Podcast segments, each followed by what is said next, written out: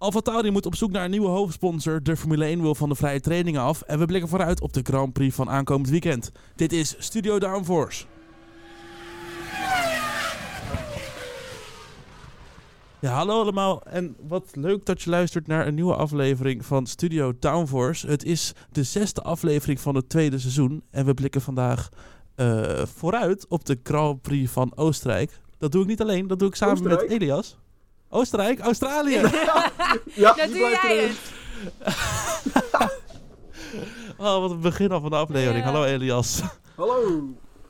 Ik hoorde mezelf even niet, dus het ging even helemaal mis. En hallo Lies. Hey Bram. Hallo, hallo. Ja, nu maak ik de topo fout, Lies. Sorry. Ja, ja, ik wilde hem maken, maar ik eh, deed te laat. Goed, we gaan dus zo beginnen met een vooruitblik op de Grand Prix van Australië in Melbourne. Daarna hebben we de downforce discussies en we sluiten hem af met het nieuwtje van de week, ook weer vandaag. Hey eh, Elias, jij hebt voor mij een bericht onze luisteraars. Jazeker. Beste luisteraars, jullie kunnen ons natuurlijk volgen op, op onze sociale media kanalen. We hebben LinkedIn voor alle stagiaires. We hebben Facebook voor de boomers en Lies. We hebben Twitter voor alle fanatieke twitteraars onder ons om meningen te verspreiden. En we hebben natuurlijk Instagram voor de jeugd van tegenwoordig. Allemaal voor extra content van Studio Downforce. En zo is dat, laten we beginnen. Ja, zoals ik al zei, we beginnen de aflevering met een vooruitblik op de Grand Prix van Australië. Ja, Elias, kan jij me even beginnen? Hoe was de race van vorig jaar? Weet je dat nog? Eh, vroeg. ja, dat is dit jaar ook gewoon. Elk jaar weer. Elk jaar weer. Ja, we Ja. hadden natuurlijk eh, een Wat een verbazing, ach. van Vettel in de race. Mhm. Die kwam eh, terug natuurlijk nadat hij de eerste twee races had gemist door corona. Eh, en toen reed hij ook eh, op een scooter net na de vrije training. Toen kreeg hij 5000 euro boete. En dus ook nog een crash in de race. Eh, ja, toch een beetje een, eh, een eh, vervelende comeback voor hem. En toen kwamen ook, ook al de eerste geluiden natuurlijk al van... Ja, moet hij misschien niet eh, met pensioen? Nou, dat is hij toen ook gegaan natuurlijk aan het einde van afgelopen seizoen. Eh, verder hadden we nog een opmerkelijke crash tussen de twee Canadezen toen, vorig jaar. Lance Stroll en Latifi in de kwalificatie opeens. Die knalden ja, tegen elkaar aan. En ook nog een crash in de kwalificatie van Alonso. En die was heel dicht bij Pol met zijn Alpine. Eh, maar in plaats van Pol brak hij zijn botten in beide handen. Je, hebt- je hebt hem nog niet gemaakt, de grap. Nee. Nee, Heb je hem Waarom eruit doe je dit nou gehaald? niet? Je, je, voor, voor mijn gevoel keek je hier zo naar uit om hij deze grap was te dicht bij maken. Pol, maar brak zijn pols. Oké, we moeten door. Ja, Leclerc die won de race uiteindelijk.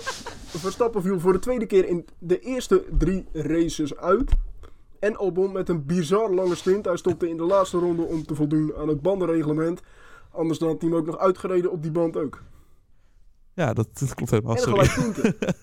Toch? Ja, inderdaad. Het waren de eerste punten voor Williams dat seizoen. Ehm, goed, dan gaan we nu het eh, minst favoriete stuk van eh, Lies behandelen in deze podcast. Namelijk, wat vinden we van het circuit?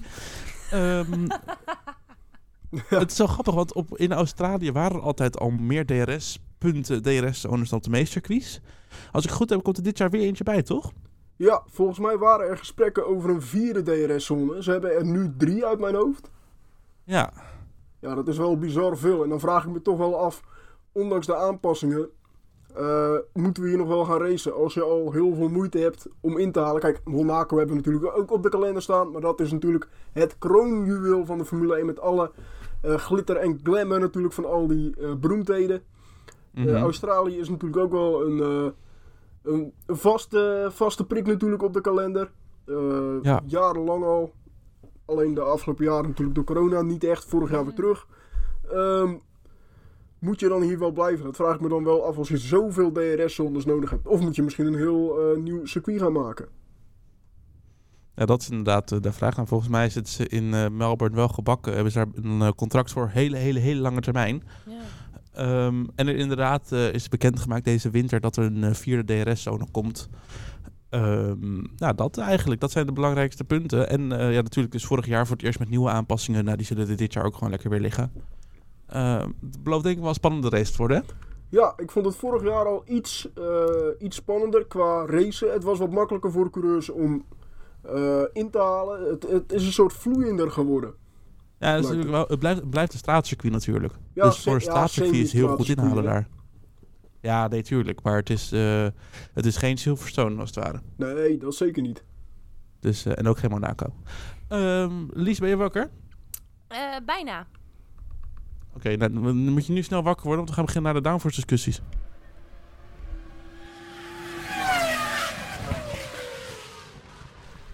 Ja, want in deze rubriek wordt Lies echt wakker. Dan gaan we namelijk stellingen behandelen. En dan, dan komen de geruchten ook nog een beetje doorheen. En of ze nou noemenswaardig zijn of niet, wat we er nou van vinden.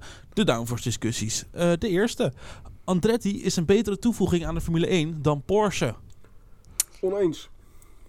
Eens. Ja, dit vind ik echt kut, want dit is echt mijn rubriekje. En we beginnen met een stelling waar ik gewoon oprecht geen mening over heb.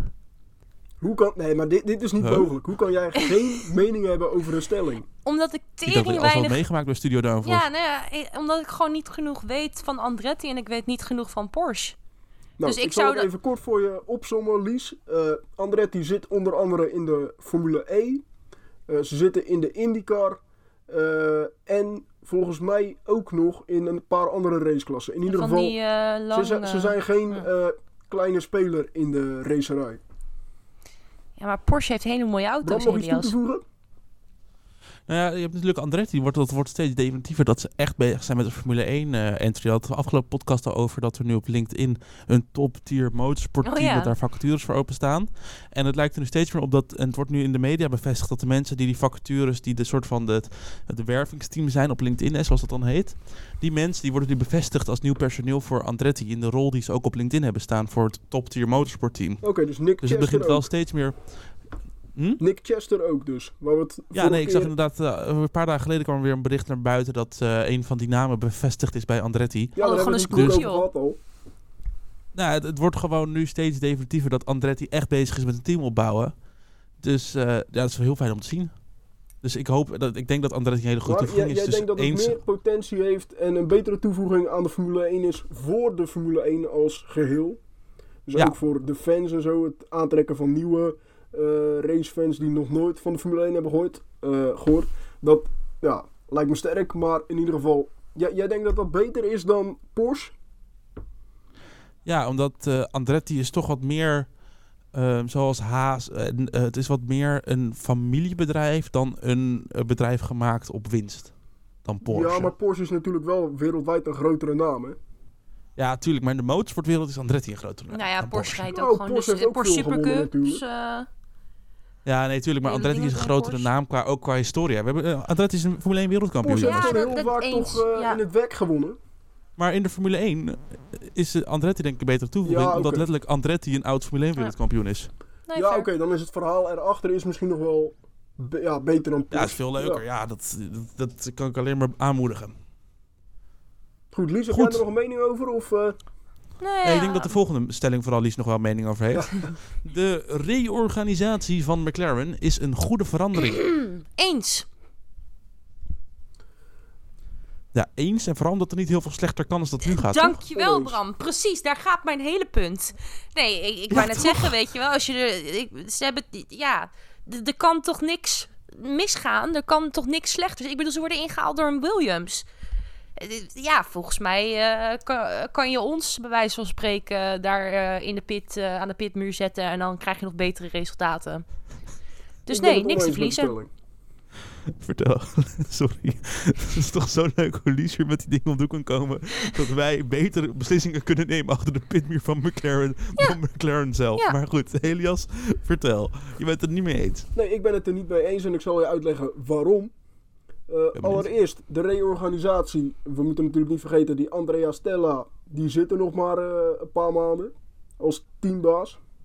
Mhm. Ehm, die had daarvoor nog nooit ervaring als teambaas, dus ik, ik, ik twijfel aan zijn capaciteiten voor die rol.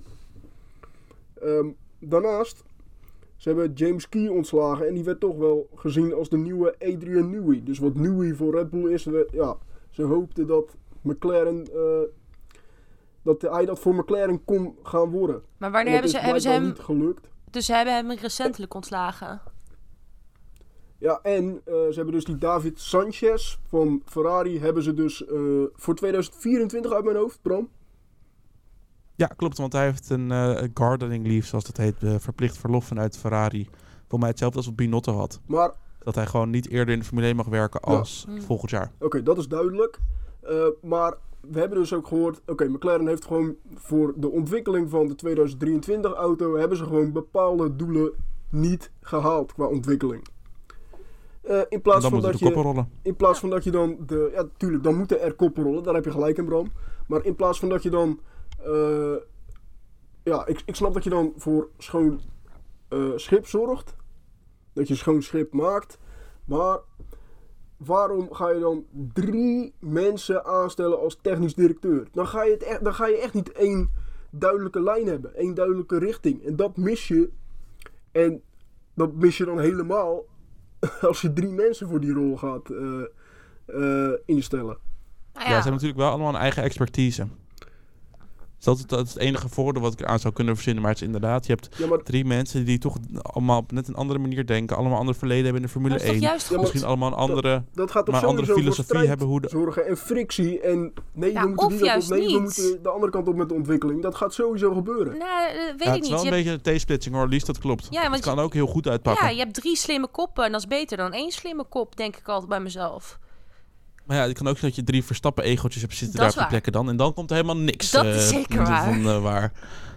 Precies, dus Ja. in mijn ogen is eh, meer niet altijd beter. Nee, ja, maar het, het moet zich natuurlijk uit gaan wijzen nu, eh, hoe of wat. Maar ze moeten ook wel, hè, want anders dan kunnen ze misschien wel Lando Norris kwijtraken. Dat klopt. Dan moeten ze dit jaar de seizoen denk ik al wel beter gaan presteren. Goed, kunnen we door naar de volgende? Willen we hier nog iets over zeggen over McLaren? Of hebben we wel weer genoeg McLaren bes- besproken? Ja, al meer dan dat ze verdienden. Nou, dan gaan we wel heel snel door. Voor overtreding op de baan moet de Formule 1 een voorbeeld nemen aan de MotoGP. En longlap penalties geven in plaats van een gridstraf in de volgende race. Eh, Elias, je moet ons voor Formule 1 leken toch even uitleggen wat eh, long lap penalties zijn. Nou ja, MotoGP leek er dan, hè, want Formule 1 leek ben je nu niet meer, hoop ik. Nee, maar wij zijn Formule 1 leken. Ja. Zonder Ja, de- nee, ja, ik snap je. Eh, voor de context even. eh, afgelopen weekend is het eh, MotoGP-seizoen weer begonnen. De eerste race was in Portimao en meervoudig wereldkampioen Marc Marquez. Die kegelde met zijn motor eigenlijk twee coureurs uit de race, maar eentje blesseerde die echt vrij ernstig. Dat was dan in de sprintrace. Dus hey, MotoGP heeft dat gekopieerd van de Formule 1. Maar daar gaat het nu even niet om. Eh, Mhm. hij heeft dus zijn tegenstander eh geblesseerd. Eh, het was ook wel een, he- ja, een, een divebom, zoals we dat in de Formule 1 Ja. noemen. En het was een beetje een wilde actie van hem, eh, onnodig. En het leek een beetje alsof hij eh, ja, probeerde goed te maken eh, wat zijn motor tekort kwam. Ja. Eh, ja, dan, dan ga je veel te, veel te grote risico's nemen. En nou, dan krijg je dus dit. Hij heeft dus een Ja, was- longlap penalty gekregen voor Argentinië. Eh, nou, hij heeft eigenlijk geluk, want hij mist Argentinië. Omdat hij dus zelf ook geblesseerd is geraakt bij die crash. Mhm. Maar waar het dus om gaat, eh, nu we de context hebben eh, als luisteraars, waar het dus om gaat. Zij hebben longlap penalties door MotoGP. En die geven ze dus ook aan de volgende race niet een gridstraf. Mhm. Maar die longlap penalty wordt dus doorgegeven in de volgende race. Omdat ja, ze zijn er Ah. allebei al uit, dan heb je er niks meer aan. ja. En ik denk dat zo'n eh, gridstraf, ja, ja Hoe, ehm, hoe, hoeveel, hoeveel pijn leid je daaraan? Weet je, bij de start kun je al heel veel plekken weer winnen. En ik denk dat een longlap, die kun je op zich wel gewoon maken. Want het is eigenlijk wat de Formule E ook doet met die, eh, met die boost natuurlijk. Ja, precies. Hoe, ehm, hoe groot is het, eh, hoeveel tijd of plekken verlies je met zo'n longlap penalty gemiddeld? Ik denk dat dat een goede vergelijking is dan. Dat ligt er een beetje aan hoe, ja, hoe je de longlap penalty maakt. Maar eh, de MotoGP-coureurs verliezen toch vaak wel minstens 5 tot 10 seconden. Als je ook zag, die, meer, die raakte gewoon echt bijna 10 plekken kwijt, denk ik. Ja, zou het bijvoorbeeld... ehm, want als ik denk aan een long lap penalty, ik heb het wel eens gezien en ik heb het moet MotoGP pauze gespeeld, dus ik ben er een beetje bekend mee. Maar eh, ik zou, ik, je kan het eigenlijk vergelijken als een korte pitstraat waar je dan een drive-through penalty voor Ja, krijgt. precies. Want in de Formule 1, als bijvoorbeeld in Zandvoort een long lap penalty zou moeten doen, dan om dat een beetje realistisch te maken met de straf die je ervoor krijgt, Ja. moet je heen en weer naar Amsterdam eigenlijk. Nee, ja, heb De Formule 1 zo snel gaat. Dan is de long lap penalty eventjes, eventjes, eh, eventjes eh, Ja, ja, maar eh, naar de Dam banen Amsterdam en weer terug. Nou ja, lastig om niet daar als je- ruimte voor te maken of krijgen. Ik- Ja, ik, ik, ik denk van dat je misschien dan een eh drive-through penalty voor de eerstvolgende Ja, race of zo moet doen. Ja, ik snap het concept, alleen eh, bij mij zou het er echt aan liggen of jij, eh, als jij de fout maakt, of je zelf wel of niet bent uitgevallen. Als jij een fout hebt gemaakt waarbij iemand anders dus bijvoorbeeld uitvalt en je kan zelf door, dan vind ik zo'n long lap penalty, dus dat je straf krijgt de volgende race, vind ik best een goeie. Eh, maar stel, je maakt een fout en je ligt er zelf ook uit, dan ben je zelf eigenlijk toch, ja, eh, dan vind ik eigenlijk, dan ben je zelf wel hard genoeg gestraft, zou ik zeggen. Dus dan vind ik een nieuwe race is weer Ja. nieuwe ronde, nieuwe kansen en Nee, maar eh, dan vind ik het, ja. Maar is natuurlijk zo Mark Marquez, die, die, dat was de nummer, hij lag vierde en hij crashte de tweede eruit, waardoor hij dus ook die tweede plek eigenlijk uit de race kegelt. Dus dan wordt een soort van niet bestraft door zo'n domme actie te doen. Nou ja, wordt wel bestraft, want hij beetje heeft ook alsof- iets alsof nu- gebroken. Als, alsof, Alonso, alsof Alonso Verstappen zou raken. Een beetje eh, dat Alonso derde ligt, Verstappen eerste. En dat dan Alonso Perez op P2 probeert in te halen. Volgens Verstappen raakt. En daar dan uiteindelijk dat ze allebei uitvallen. En dan dat Alonso niks meer voor krijgt. met Ja, want hij is eh, uitgevallen. Van Verstappen en Hamilton in eh, Monza. In 2021 was dat. Och, ik, ik wil daar niet naar Toen terug, kreeg, toen kreeg. Verstappen namelijk wel een daar straf in de volgende race. Ja, vijf Ja. eh, grid. eh, ja, dat, dat- maar dat vind ik, dat vind ik dan. eh gridposities vind ik ook iets anders dan als je bijvoorbeeld een drive-through zou krijgen. Ja, maar misschien moeten we daardoor juist weer die drive-thru dan een beetje terug, eh, terug eh, krijgen in de Formule 1, Ja. denk ik. Want ik, kijk, en kijk, het ligt een gridstraf is bijvoorbeeld voor een, eh, een, een, een, een Albon veel erger dan voor een Max Nou, Verstappen. nee, want Albon, die, dus ook die daar zit weer verschil in. Ah, ik, ik, ik, ja, wat, wat, wat zullen we dan doen? Een, eh, een Leclerc, een Leclerc en een Verstappen. Nee, maar je snapt wat ik bedoel, toch? door. Ik bedoel, ja, maar jongens, jongens, even nog één keer. Vijf seconden, ja, vijf, vijf punten, ja. Nou, oké, je snapt het punt. Laat maar, we gaan door. Ja, maar als ik, ja, als ik Elias hoor, kijk, als in, dat je dus met een long lap penalty vijf plekken verliest, dan is een vijf seconden straf in de Formule 1, dat, dat zou dan een 20 seconden Ja, straf kijk- moeten zijn of zo kijk, voor de het verschil topcoureurs, is, Ja. om vijf plekken ehm, terug te vallen. Eh, die longlap penalty wordt niet gelijk bij de start genomen. En een gridstraf natuurlijk wel. Die los je gelijk in bij de start en dan kun je gewoon weer vrij racen.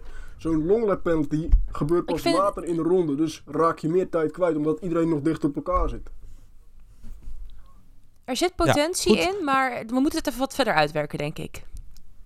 We gaan er weer een Formule 1 podcast van maken, want we gaan naar de volgende stelling. De Formule 1 moet afscheid gaan nemen van de vrije trainingen. Oneens. Oneens. Levensgevaarlijk. Oneens. Nou, ook wel weer lekker. Maar we hebben wel allemaal... Ja, jullie hebben nee, sowieso inderdaad- geen andere... Ja, ik wilde net zeggen, jullie hebben een andere mening erover dan ik nog steeds. Over, ondanks dat we Ik het denk allemaal... inderdaad dat eh, we zijn misschien wel allemaal oneens, maar het is een andere standpunt Ja. daar misschien in. Het eh, komt namelijk, de stelling eh, is er omdat Formule 1 CEO Stefano Domenicali, die was afgelopen weekend bij de MotoGP en die heeft afgelopen week geroepen bij Sport TV, wherever it may be, dat hij voorstander is van het afschaffen van de vrije trainingen. Ja, ik vind het een beetje discussie worden over wat nou belangrijker is, Dat coureur was of trouwens in machine. Portugal. eh. Ja, Ja, oh, hij heeft ook in Portugal gezegd daar. Ah, Hmm. oké. Ja, maar het is toch gek, want als in, weet je, een, Formule 1 auto zelf, je kan je waarschijnlijk de baan opsturen, eventjes eh, een paar rondjes rijden en dan is de afstelling goed. Maar zo'n coureur, die moet toch helemaal aan het ritme komen. Die gaat echt niet op Formule in de eerste vrije training gelijk de snelheid rijden die die op zaterdagmiddag in de kwalificatie ook eh, rijdt. Ja, maar los ook zegt. die auto. Ehm, ja, het is gewoon voor een, eh, voor een fan is het minder interessant om naar te kijken. En voor de meeste teams gaat het natuurlijk vooral om data vergaren. Daar gaat het tegenwoordig in de Formule 1 om. Om te zien van joh, wat doen die banden, eh, Mhm. ja, wat doen die banden eh, over een langere afstand of juist, juist in een korte run. Dus voor de kwalificatie. Dat soort dingen, dan snap ik zijn standpunt wel. In dat soort situaties. Maar je moet niet vergeten dat een coureur ook gewoon de baan moet leren kennen. Eh, dan kun je zeggen, ze, ze rijden er al Ja. jarenlang.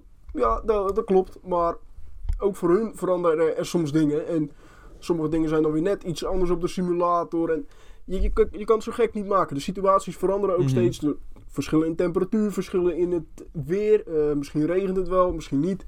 Weet je, dat soort dingen. Een coureur moet daar gewoon aan wennen. En dan is het gewoon levensgevaarlijk om ze zonder eh, ervaring eh, van hoe de baan erbij ligt, eh, ja, om ze dan gewoon zomaar Ja, te laten kwalificeren of zomaar te laten racen. nou ja, los van los daarvan, van dus, dus de mens, heb je ook nog de machine. Weet je, als jij een probleem tegenkomt, is het toch wel prettig dat je een vrije training hebt om te fixen en daarna nog een vrije training om het uit Ja, te testen. ook. Ehm, ik, ik zou eerder, ja, ik denk drie vrije trainingen is misschien een beetje overbodig. Eh, die zou je prima in twee of in één lange kunnen proppen, denk ik. Ehm, maar ook vanuit persoonlijk standpunt vind ik ze altijd wel redelijk vermakelijk. Want ten eerste, je weet een beetje waar je op moet gokken als je geld gaat inzetten. En ten tweede, ja, nou ja, niet geheel onbelangrijk. En ten tweede vind ik het gewoon een vermakelijk tijds... eh, ik kijk ze altijd, eigenlijk. Behalve dus eh, Australië en Japan, kijk ik eigenlijk altijd elke vrije training. Ja want dit weekend in Australië begint hij om half vier. Ja, dus dan ga ik hem ook niet kijken. Of ik ben, nou, misschien Nee. dat ik net, net thuis, ja... Nou ja, Ja, ik had het met Elias over. Eigenlijk moeten we uitgaan eh, donderdagavond. dan gaan we vrijdagochtend lekker op, op station of zo. Hier bij mij thuis als, je- lekker als je hem doortrekt, dan is het best te doen. Ja. Goed. Ehm, ik denk dat we alles hebben behandeld, hè? Nog één dingetje wat er, wat staat te wachten voor jou, Lies. Hij komt nu. En dat is? Hij komt nu. Ja, nu? Het nieuwtje van de week, week, week. Ja, het nieuwtje van de week. Nou, Lies, ik eh, laat je los. Veel plezier. Dankjewel. Altijd als je dat zegt, dan word ik een beetje zenuwachtig. Dan denk ik van, oké, ik laat je los, maar het is jouw verantwoordelijkheid wat er nu gebeurt. Hij gaat tot 20 seconden van je tijd, of Oh, nu? oh, oh, oh, hup. oké. Oké, nou jongens, eh, nieuws, nieuws, nieuws, nieuws van de week. Ik kan het woord nieuws ook nooit goed uitspreken. Ik weet niet of dat is opgevallen.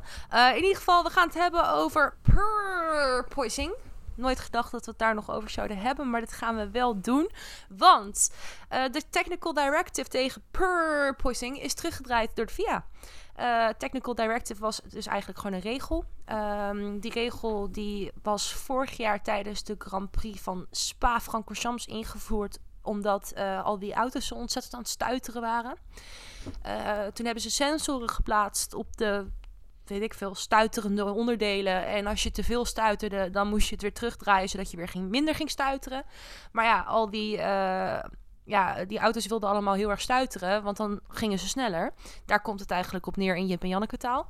Eh, ze hebben die regels dus nu weer afgeschaft, eh, omdat de technisch reglementen van 2023 uh, zo veranderd zijn. Dus ze hebben allemaal nieuwe aerodynamische. Uh, zo, zeg ik dat goed? Aerodin oh ja, wel. Aerodynamische regels. Um, waarin dat al zou zijn opgenomen. Dus daarom is het nu weer teruggedraaid. Zo, die was snel, ja, hè? inderdaad ook nu. Zeker, en die uh, sensoren die dus door die technical directive in zijn gesteld, zien ze ook dat er geen problemen meer zijn met poising. Maar is dat wel zo? Nou, dat is dus nu de vraag. Want de- dat gaan we dus de komende race achterkomen. We zitten nu eh, achter elkaar nu in Australië en Azerbeidzjan. Dat waren vorig jaar twee circuits waar het stuiteren nou, best wel redelijk was. Dus eh, we gaan nu zien of de teams Ja. zich ook daadwerkelijk nu aanhouden. Of dat misschien Mercedes weer de grens op gaat zoeken. Nou ja, als ik Mercedes we- zou zijn, we had ik eh, dat... het bandje... Kunnen we het bandje met Horner Ja. weer instarten? Change your fucking car. Ja, dan zien we waarschijnlijk weer een Lewis Hamilton helemaal met rugpijn zo uitstappen van... Oh, wat heb ik het zwaar. Ik verdien miljoenen per jaar, maar Ja. ik kom helemaal als een oude man eh, uit de auto gekropen. Ja. Nou, dus dat is, eh, dat is afwachten nog maar eventjes. Eh, dat was hem, Elise.